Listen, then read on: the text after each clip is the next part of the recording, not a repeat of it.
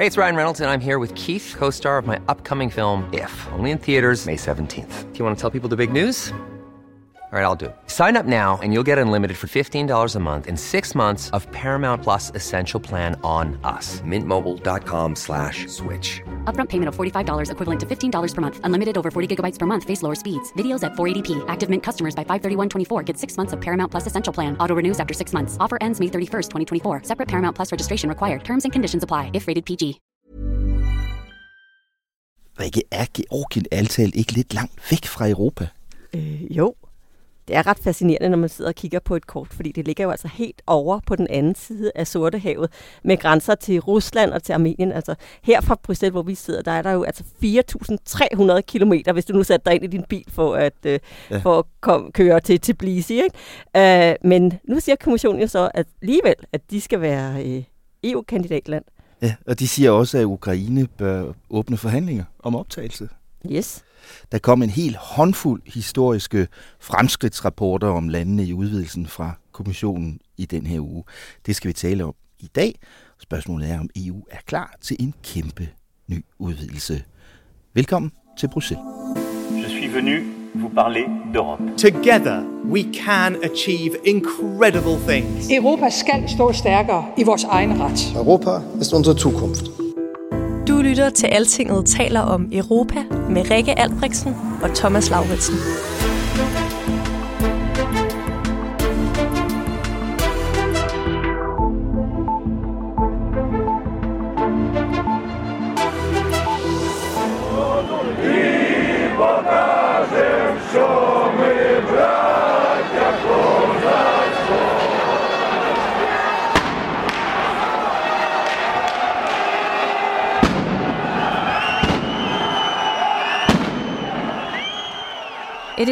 Now 10 years ago that the protests on Maidan started. Maidan protests where people were shot because they wrapped themselves into a European flag.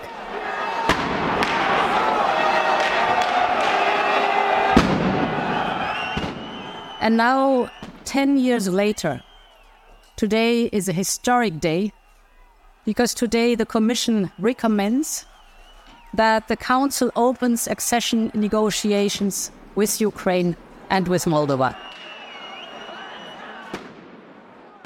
En historisk dag, det sagde kommissionsformand Ursula von der Leyen her onsdag, da hun præsenterede alle kommissionens fremskridtsrapporter om de lande, der enten er eller er på vej til forhandlinger om at blive optaget EU. Rikke, jeg vil lige opsummere kort først, øh, hvem der egentlig er i de her forskellige faser. Der er sådan 10 stykker nu af, af de her lande. Der er de nye, som vi snakker rigtig meget om i øjeblikket, Ukraine og Moldova og Georgien. Men så er der jo også øh, en, en hel række Balkanlande, og nogle af dem er i forhandling. Øh, Montenegro og Serbien har været det et stykke tid. Nordmakedonien og Albanien øh, åbnede forhandlinger her for et par år siden. Øh, og så er der nogle, der ikke er i forhandlinger endnu, Bosnien og Kosovo. Og så er der jo Tyrkiet, som, som sådan set har været i forhandling, teknisk set i snart 20 år, men hvor, men hvor forhandlingerne jo i praksis er kørt fuldstændig fast. Så kommer de her rapporter om alle de her lande, og vi skal selvfølgelig ikke tale om det hele, Rikke, men, men øh, lad os starte med at høre, hvad du synes var de vigtigste nyheder i de her rapporter. Det var jo helt klart, at kommissionen nu anbefaler, at man simpelthen går skridtet videre og begynder reelle optagelsesforhandlinger med både Ukraine og Moldova. Ja. Det var, øh, altså det er jo bare meget vildt, ja. eftersom for det første var der ingen af de to øh, lande, der overhovedet var kandidater til at, øh, at komme med i klubben for bare altså halvandet år siden. Ja. Øh, og for det andet, så har vi jo altså at gøre med et land i krig i ja. Ukra- for Ukraines vedkommende. Så hvordan kan man overhovedet ja. sætte sig ned og lave det slavearbejde, det er, ja. at, øh, at gennemgå hele den der meget, meget, meget tunge proces, det er at, øh, ja. øh, at få et land ind i EU med alle de vilde omvæltninger, der skal ske af et, øh, et lands administration og måde at gøre tingene på. Ja. At, at man går ind på den vej, ja. samtidig med de krig. Det er altså Og det meget, viser meget jo, hvordan krigen i Ukraine og Ruslands opførsel i det hele taget i øjeblikket har vendt bund i vejret på hele EU's forhold til nabolandene. Ikke? Og i forhold til, hvordan man ser øh, hele den interessesfære, kan man vel kalde det, som, ja. som ligger øh, øst for os. Ikke? Ja. Og, det, og, og, og når, når vi taler om det, så er der også et andet øh, ret symbolsk vigtigt øh, skridt, og det er, at man så også strækker hånden endnu længere ud øh, til Georgien, som vi lige snakkede om, som jo ligger så utrolig øh, langt væk. Ja, uh, Kaukasus. Ja, ja. ja. Det, ja, vi, vi ja, overhovedet ikke. Hvis man laver et Europakort, så er det jo slet ikke på kortet. Nej, det, det, det, det oplevede vi på, øh, på nærmeste hold, da jeg sad og skrev om det i onsdag. Vi kunne simpelthen ikke få et kort til at passe, øh, som var stort nok til at få Georgien med, fordi det ja. ligger der helt over på den anden side af Tyrkiet. Ja. Um, men, men der, øh, der siger man, at de skal simpelthen være ægte kandidat til at, øh, at blive, blive mm. medlem øh, mod visse øh, altså mod visse mm. fremskridt, fordi det, altså det, det, der er problemet, det er at vi, vi er i en situation, hvor øh, de absolut ikke øh, er klar mm. til, at, øh, til at blive Men der anbefaler kommissionen så ikke at åbne forhandlinger, men mm-hmm. de siger, lad os gøre Georgien til et kandidatland, ikke? Ja. Øh, så en ting, man måske også lige skulle nævne, og så kan vi vende tilbage til det senere, det er, at der jo også er nyt om Bosnien-Herzegovina.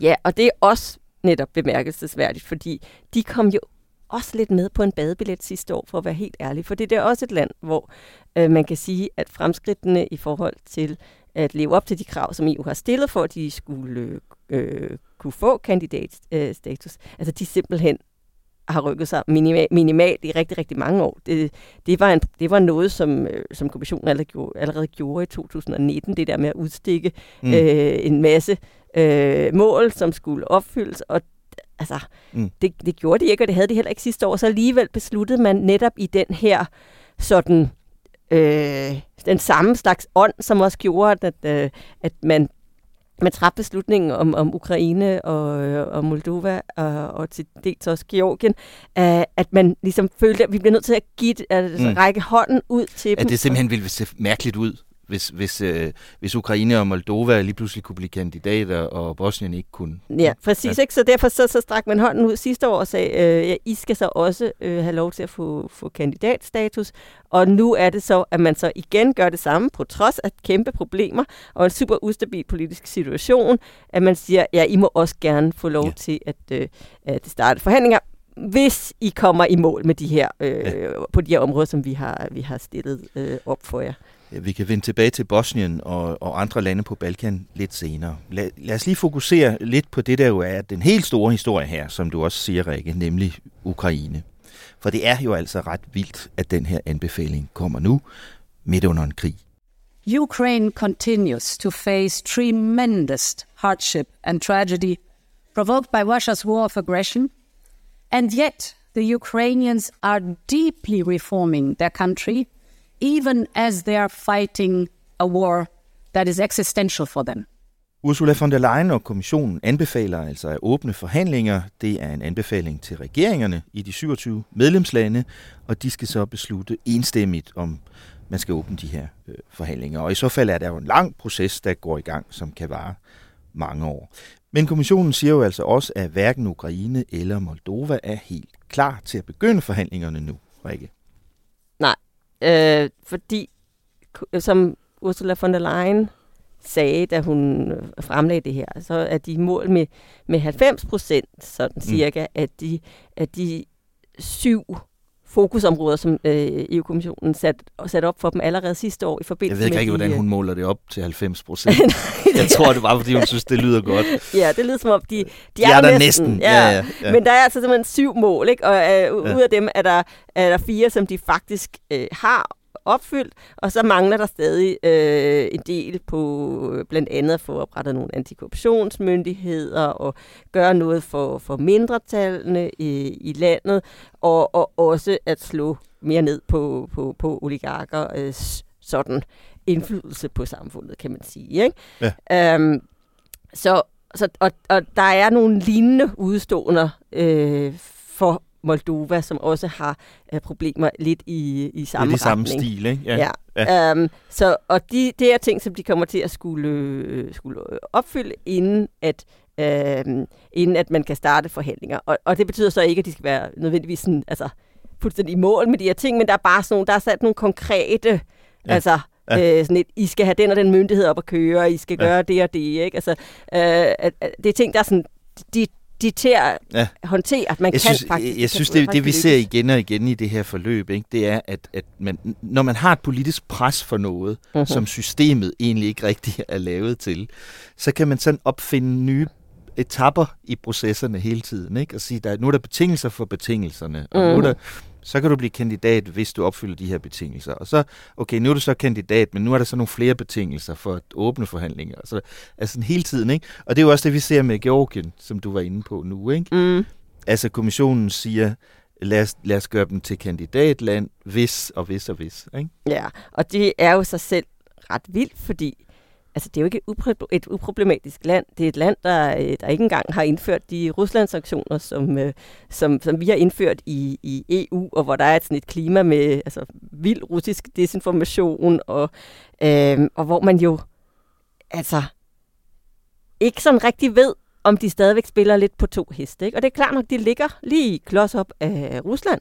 Øhm, og, og det altså, er vigtigt for EU at sige, jamen, vi bliver nødt til at strække den her hånd ud, så de netop ikke tilter mm. over mod Rusland. Samtidig ja. med, at det også øh, sker i, i respekt for, at der er et ønske i den georgiske befolkning, som de har udtrykt meget stærkt ved at gå på gaden øh, og, og demonstrere, um, mm.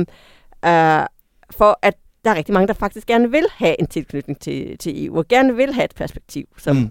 øh, altså ligesom peger mod vest i stedet for mod øst. Ikke? Ja. Men altså, det er stadigvæk bare sådan lidt svært at se, om det her er noget, som man reelt mener fra EU's side, øh, eller om man på en eller anden måde forsøger på, sådan lidt at stikke dem blå i øjnene ved at sige, ja, ja, kom I bare, I skal bare lige gøre det og det og det, ikke? Altså, Ja, det, og også sådan... omvendt, om de faktisk reelt, om der reelt er ja. en politisk vilje øh, til at gøre det. Ja, fordi der er jo nogle, der er sådan nogle strategiske og geopolitiske overvejelser her. Ikke? Ja, ja. Det, det handler for Europa om ligesom at, at prøve at gøre noget for, at de her lande ikke fuldstændig opgiver deres forhold til Europa og vender sig mere til Rusland eller til Kina eller øh, Tyrkiet eller andre. Ikke? Mm. Øh, så, øh, så det er sådan et, en, ligesom sådan en korsvej, vi er ved nu, hvor Europa prøver at sende nogle nye signaler til de her lande, men spørgsmålet er, hvor meget kan vi ligesom selv leve op til af de her løfter, vi, vi er ved at dele ud nu. Ikke? Og så der er altså noget i den her proces, også, også det, der er blevet sagt nu her i den her uge, som jeg ikke helt forstår, Rikke, og jeg håber, du kan hjælpe. jeg er i tvivl om, hvornår de her forhandlinger egentlig vil kunne starte. Hvis altså medlemslandene siger ja til det, fordi indtil videre er det jo bare kommissionens øh, anbefalinger. Lad os lige lytte til, hvad Ursula von der Leyen sagde om det i forhold til Ukraine. The remaining reforms are already on their way. That's good. And the Commission commends these efforts. And on this basis, we have recommended today that the Council opens accession negotiations We also recommend that the Council adopts a negotiating framework once Ukraine has carried out the ongoing reforms. And on that, we will report then in March 2024. Her siger kommissionsformanden altså, at anbefalingen til rådet, det vil sige regeringerne, er at vedtage en forhandlingsramme, som det hedder, når Ukraine har udført de reformer, der mangler. Og det vil kommissionen så gøre status over i en ny rapport, som skal komme til marts næste år. Det samme gælder i øvrigt processen for Moldova, øh, sagde Ursula von der Leyen. Men da hun så lidt senere blev spurgt, hvornår forhandlingerne kan begynde, så svarede hun sådan her. We have a European Council mid-December. There this will be on the table. If the Council takes the political decision to say yes, we take uh, the recommendation of the Commission and open accession negotiations, the work can start immediately. Rikke, jeg er forvirret.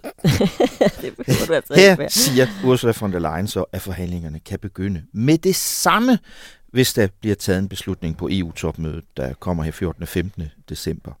Kan du forklare mig det? Ja, men altså, der er jo rigtig mange skridt i den her proces, og jeg kan godt forstå, at nogen nogle gange tænker, jamen undskyld, har I ikke allerede besluttet det én gang, det ja, der, ikke? Fordi ja. i sidste, altså, sidste sommer øh, 2022, der var vi jo helt op at køre over det der med, åh, kandidatstatus, og det lyder som om, hey, så er vi kandidater, så er vi vel i gang. Nej, vi er mm. ikke i gang. Nej, det var nu det, det så, så optagelsesforhandlingerne, som mm. man snakker om, ikke? Men før de forhandlinger går i gang, så skal der laves det, som øh, hun jo snakker om, det der kaldes en, øh, en, en forhandlingsramme. Og øh, det er det, at kommissionen siger, at det går de bare i gang med. Så snart Mette Frederiksen og hendes venner til topmøde i december giver grønt lys, så øh, er de bare øh, med det vunds i gang med det, med det mål, at den skal være klar til marts. Så det er den der forhandlingsramme, som, øh, man kan man sige, øh, skal være på plads. Okay. Øh, inden, Men de egentlige forhandlinger går ikke i gang endnu? Så. Nej, Øh, og det gør de så heller ikke efter marts, vel? Fordi, fordi så kunne man jo tro, at det var det, der skete. Men ja. selvfølgelig er det, skal det ikke være så nemt, vel? Fordi at øh, først så skal der jo laves en såkaldt screening af alle de 35 kapitler, som man kalder det i EU-jargonen, øh, som er du ved, kapitlet om landbrug, kapitlet om 12, kapitlet ja. om retsvæsen. det er alle reglerne og, om, hvordan EU fungerer. Præcis. Det, ja. det er grundbogen af ja. communautaire, som vi siger øh, her i boblen. Um, uh, den, det skal simpelthen gennemgås uh, for at se, okay, hvor er knasterne? Hvor, uh, for hver enkelt. Ja, hvor man så, og det, uh, det, der siger de så også, at det kommer de til at gøre på speed i forhold til, hvad, hvor, hvor lang tid det tager. Det kan godt tage et år eller længere, uh, at bare at lave den øvelse. Uh, og der siger de også, det øjeblik, I giver os grønt lys uh, i december, så sender vi vores teams afsted til uh, Chisinau og til Kiev, og så går de ellers i gang med at arbejde med uh, landene for at finde ud af uh, præcis, hvordan og hvorledes øh, ja. med alle de her fem, øh, 35 kapitler. Ikke? Ja. Um, og så ja, på et andet ja. tidspunkt, længere hen ad vejen, kan egentlig ja. øh, forhandlinger komme Så vi er igen i det her felt mellem no, et behov for nogle meget umiddelbare og stærke politiske signaler til de her lande, og så en proces, om at optage et land, rent faktisk optage et land i EU, som er meget lang og tung og møjsommelig. Ikke? Mm. Øh, øh, men, men lige nu handler det selvfølgelig, øh, og det kan man jo godt forstå for ukrainerne og de andre, øh, super meget om øh, at få de her, det her signal om, I kan mm-hmm. en dag komme ind. Ikke? Du, du fortalte mig, Rikke, at, at også ligefrem nogle af journalisterne derovre i pressesalen sådan var, var rørt. Ja, jamen, altså der var, der var spørgsmål fra både øh, ukrainske og georgiske journalister, hvor de var sådan, altså det er meget sådan, det er også fordi, vi sådan i, i, i den façon, vi interagerer med, med, med, med, med kommissærer og andre øh, folk hernede, der er vi måske sådan lidt usentimentale, men der var mm. bare sådan lidt, at de først ville gerne lige have lov til at takke ja. Ursula von der Leyen for det skridt, hun nu tager på Europas vegne, som hun jo så for øvrigt ja. ikke kan tage. Vel? Det, hun kan nej, bare nej. foreslå, at det ja. sådan, det skal være. Men at de sådan var ude at sige, at det betyder noget for os, og det er meget vigtigt, og så videre. Og, mm. og det, det, det det, altså... det kan godt virke lidt mærkeligt på os andre, også fordi vi sådan, det er egentlig ikke det, en journalist skal gøre. Men på den anden side kan man godt forstå de her mennesker. Mm. Ikke? Ja. At, at, fordi det her er så utrolig vigtigt for dem, og deres land er i krig eller truet og så videre. Ikke? Mm. Øh, og pludselig sidder de der og føler, at det her er et historisk øjeblik. Ja, og det, og det er faktisk noget af det, der er lidt det fine ved det europæiske pressekorps. Nogle gange så ser du de der ja. dramaer i i, ude i landene. Det kan også mm. være, hvis der sker et eller andet meget stort og vigtigt for, ja. øh, og dramatisk i et land, at man kan se det udspille sig i den måde, man, altså i den sådan, kontakt, der ja. er, og, og man, man får sådan en anden forståelse af, hvorfor er det her så vigtigt for ja. øh, et andet land. Ja. Ikke? Og det talte vi jo også om, Rikke, du og jeg, da vi, da vi forberedte den her øh, podcast. Og vi talte om, at vi vil gerne have, have, have nogen, en stemme med, som også fortæller lidt mere om det. Øh, så derfor kontaktede jeg Ina Sofsund. Kan du huske hende, Rikke? Ja, mm. det kan jeg godt. Øh, hun er jo øh, medlem af det ukrainske parlament og bor i Kiev øh, med sin søn og, og, og, og sine forældre og kæresten er sendt ud til fronten og så videre. Jeg har lavet et par store interviews med hende siden øh, krigen startede. Øh, og jeg ringede til hende øh, igen for at prøve at, at, at tale om, hvad det betyder, det der sker nu. Øh, og det var, faktisk, det var faktisk også lidt rørende, synes du ikke, Rikke? Jo, fordi at det, altså det, det, hun, hun går jo ind og siger det her med, prøv at høre, den her europæiske idé, det er det, vi dør for på slagmarken lige nu. Ja. Altså det er det, der er målet øh, for os, det er at komme med øh, i EU. Og den krig, vi fører, der, der, der, der bliver ført lige nu, det er også på grund af det her. Ja, netop. Øh, der kommer nogle uddrag fra min samtale med Ina Sofsun øh, nu. Jeg beklager altså, at lyden ikke er helt optimal. Øh, der, der er en del knæs øh, undervejs. Man kan aldrig rigtig være helt sikker på forbindelsen til Ukraine. Øh, nogle gange er den fremragende, og andre gange fungerer det lige pludselig ikke, men der er jo altså krig i det land. Øh, jeg, og jeg synes lige, vi skal høre noget af, hvad hun siger øh, alligevel. Øh, og bagefter kan vi to så tale videre om nogle af de andre aspekter af den her udvidelse, Rikke.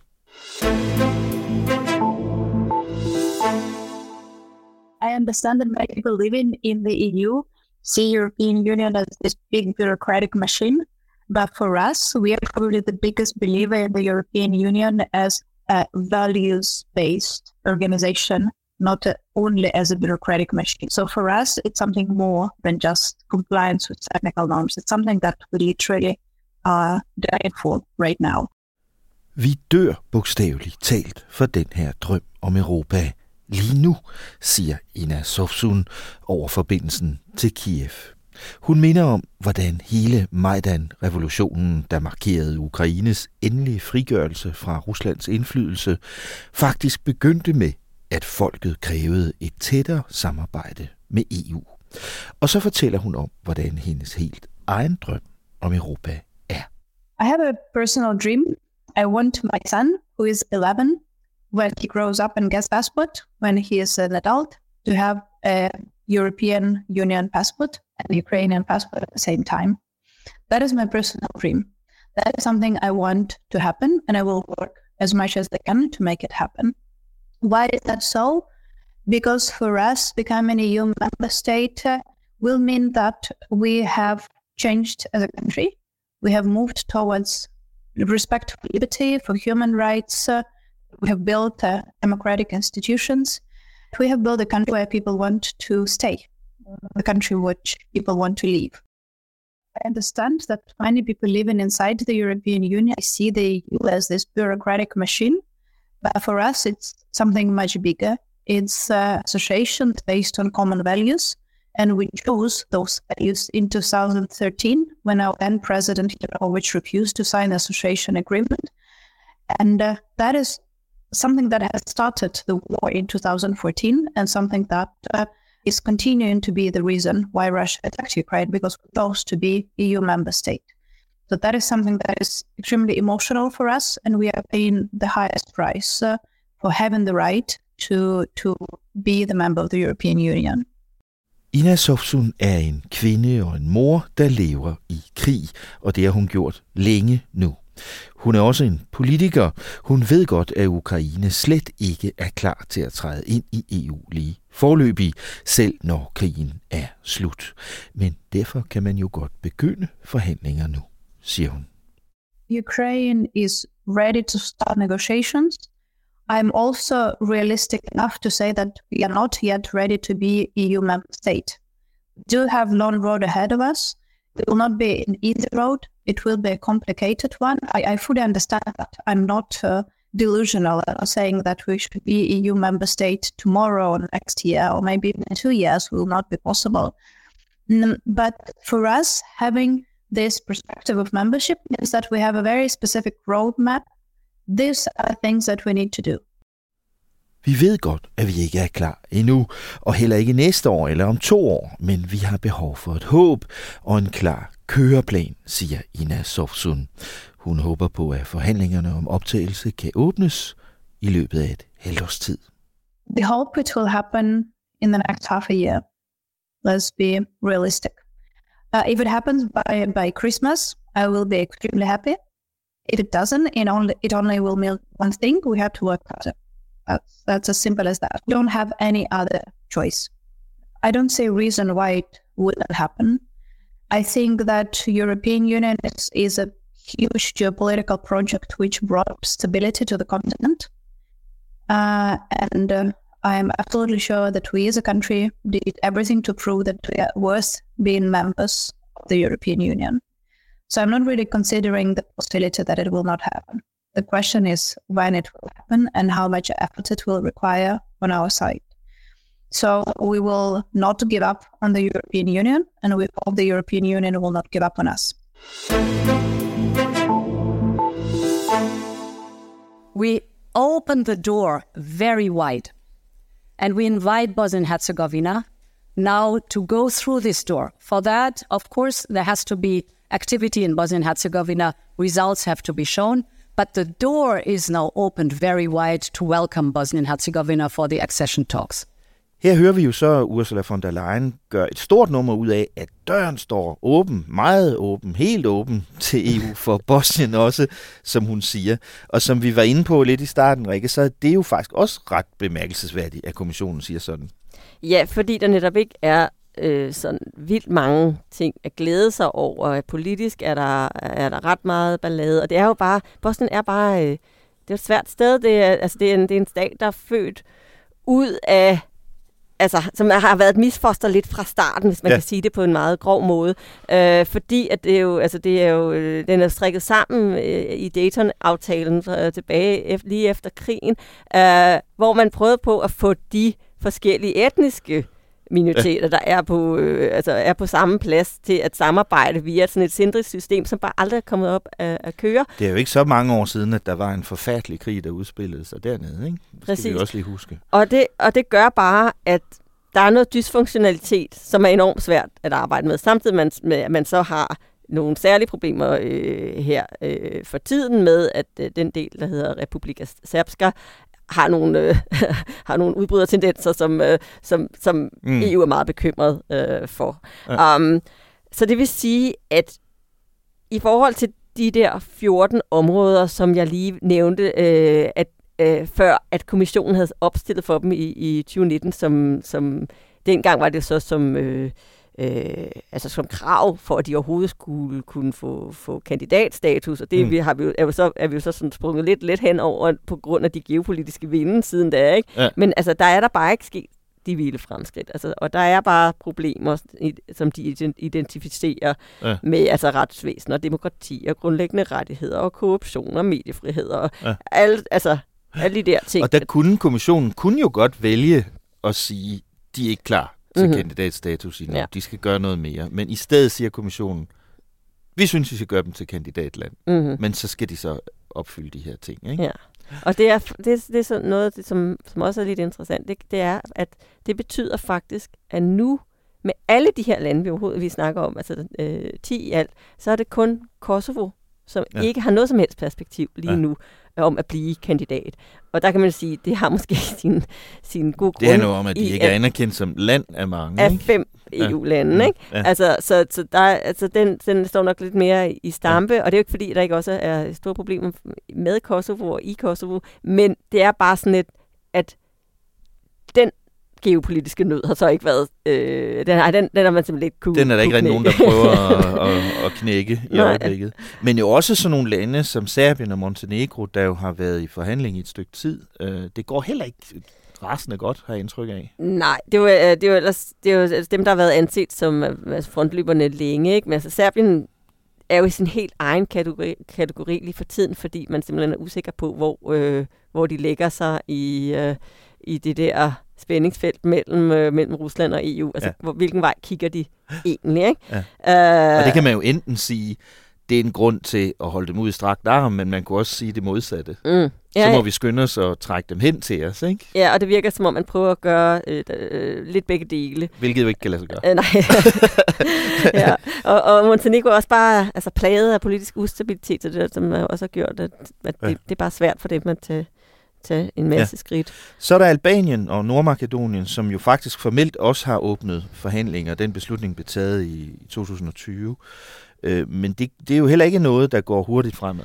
Nej, altså i Nordmakedoniens øh, situation, altså de har været kandidatland siden 2005. Ikke? Altså det er jo ja. en, øh, en øh, altså, decideret ja. sørgelig sag, fordi at... Øh, i mange år handlede det, det om, de måtte ikke hedde det, de hed. de ikke måtte hedde Makedonien, og så ja. skiftede de navn, og så øh, så, så var det okay med Grækenland, som var dem, der havde blokeret i, i overvis. Grækerne ville ikke have, skal vi lige minde om, de ville ikke have, at der var et land, der hed Makedonien, fordi der er en region i Grækenland, der hedder Makedonien. Lige over på den anden side ja. af grænsen, ikke? Og det er ja. meget vigtigt, fordi Alexander den Store og alt muligt. Så gik der sådan flere, tusind, flere tusind års historie slagsmål i ja. den.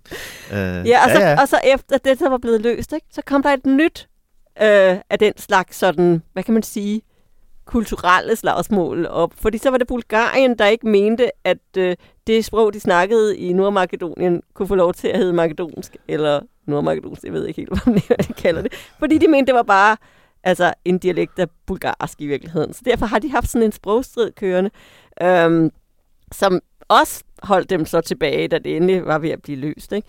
Uh, og den, men den hårde knud er sådan set... Uh, den blev løst. Den blev løst her for et par år siden, og i sommer var det så, at... Uh, at der blev, de, der blev de nemlig færdige, øh, kommissionen, med den her screeningsproces, som jeg lige nævnte, at de skulle i gang med for, for Ukraine. Dem, øh, dem blev de færdige med både for, for Albanien og, og for, for Nordmakedonien. Ja. Øhm, så ja, altså, altså det, det vil sige, det er så stille. Det betyder ikke, at de faktisk har åbnet nogle kapitler, eller i de, de der 35, de skal igennem eller noget. Men øh, der, sker, der sker noget lige så stille. Ja. Ikke? Men for hele Balkan, så gælder det jo, at, øh, at det her, den her proces, som jo har været varet i 20 år nu, mm. ikke? Der var tilbage i 2002 i Thessaloniki, at man sådan gik ud og sagde, ja, I skal da være med i vores familie. Ja. Det her bliver godt, ikke? Ja. Øhm, altså, så har der bare... Det, det bare været, det har været sådan en... Altså, du ved, det er sådan en dødsloop, ikke? Der er, ja. altså, der er sådan en gammel joke med, at, øh, at landene på Balkan, de lader som om, de gerne vil reformere sig, og landene i EU ja. lader som om, at de ja. gerne vil have dem med i unionen. Ja, og det var ligesom en deal, ikke? At så, så gjorde vi det. Ja. Så lød vi som om, vi var i gang med noget, vi ikke rigtig var i gang med. Præcis. Ja. Og derfor så øh, foreslår kommissionen nu, at man simpelthen ryster posen og prøver noget nyt. Ja. Fordi at øh, de mener, at hvis man nu integrerer dem i EU's indre marked allerede inden de bliver medlemmer, øh, så vil det give det så meget af et økonomisk boost, at det simpelthen vil ændre hele regionen og vil kunne ændre dynamikken ja. i det her. Ikke? Ja. Og det er så på betingelse af, at de får deres eget regional indre marked op at stå. Øh, fordi det fungerer ikke, altså blandt andet på grund af det her gamle fjendskab, som de, ja. øh, som de slipper rundt på øh, dernede, og hvor det er jo mm. hele sådan grundtanken ja. i EU-samarbejdet. Vi handler med hinanden, så vi ikke skal skyde ja. på hinanden.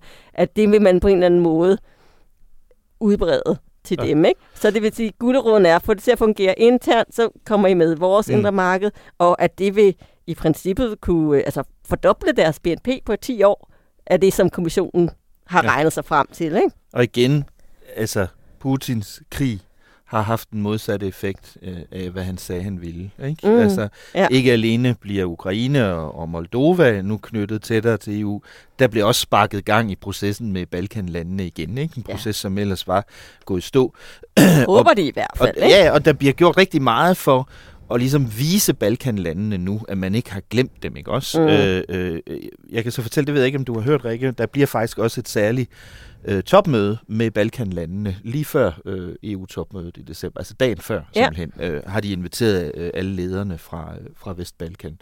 Og det er jo også et klart signal til dem om, sådan, ja, vi kommer til at tale rigtig meget om Ukraine på mm. det her mm. topmøde, men vi har ikke glemt jer. Ja. Øh, men spørgsmålet er jo så, og det bliver det store spørgsmål op til det her øh, øh december-topmøde, øh, er vi selv klar til det? altså nu foreslår kommissionen de her anbefalinger, men det er jo ikke kommissionen, der skal beslutte det her. Det er medlemslandenes regeringer, og de skal være enige om det, ja. alle 27. Øh, det kræver enstemmighed at tage sådan en beslutning her. Kan vi det, Rikke? Hvad med vores venner Viktor Orbán i Ungarn og Robert Fico øh, i Slovakiet, som vi jo har talt om, er meget skeptiske over for det her?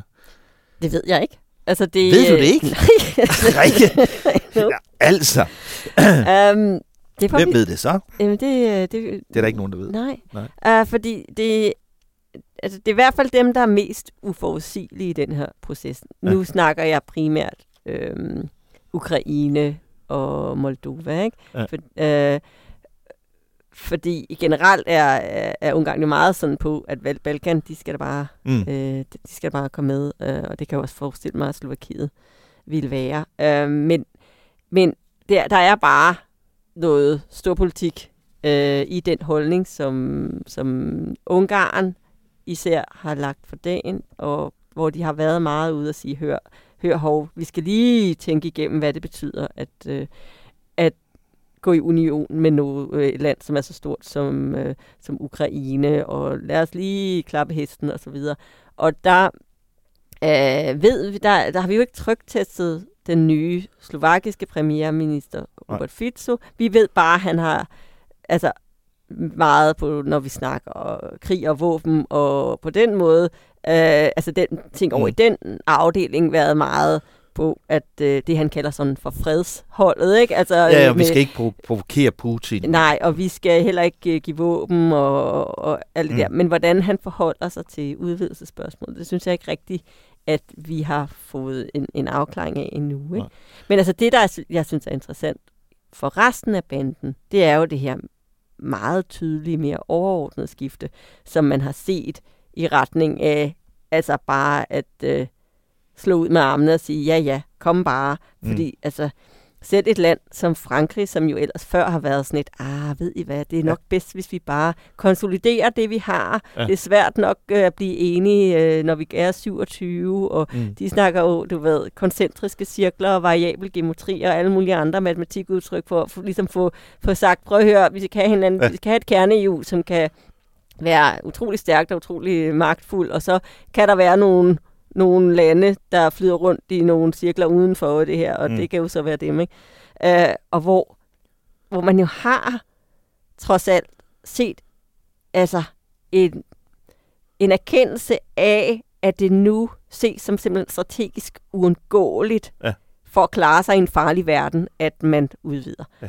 Uh, og det er, det er jo nyt, ikke? Og det er også, uh, altså det er også noget, som man, man også ser i Danmark jo, at, uh, ja. at, at der er Altså, ja, Danmark har også ændret holdning ja, til Udenrigsministeren, ja.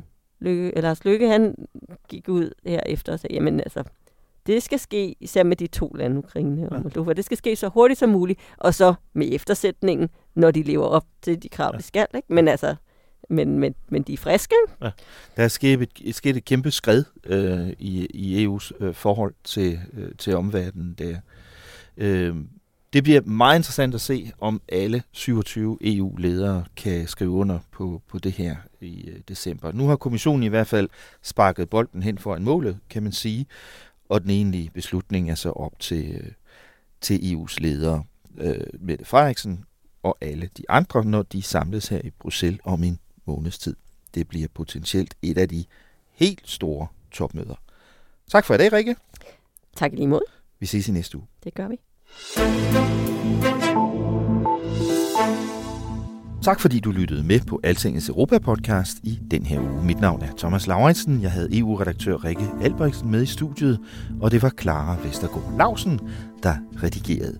I næste uge er vi tilbage med en ny podcast om, hvad der rører sig her i Bruxelles og omegn, og om, hvad det betyder for Danmark. Mens du venter på det, kan du som sædvanligt læse meget mere om EU på altinget.dk dk. På vores EU-portal kan du blandt andet finde artikler om kommissionens udvidelsesrapporter, og også om Margrethe Vestagers fortsatte forsøg på at blive chef for den europæiske investeringsbank. Det går ikke så hurtigt fremad med den sag. Det kan du forresten høre mere om i Altingets politiske podcast DK Pol i den her uge. Den er også lige udkommet. Tak for i dag. Lyt med igen næste uge, lige her, hvor Altinget taler om Europa.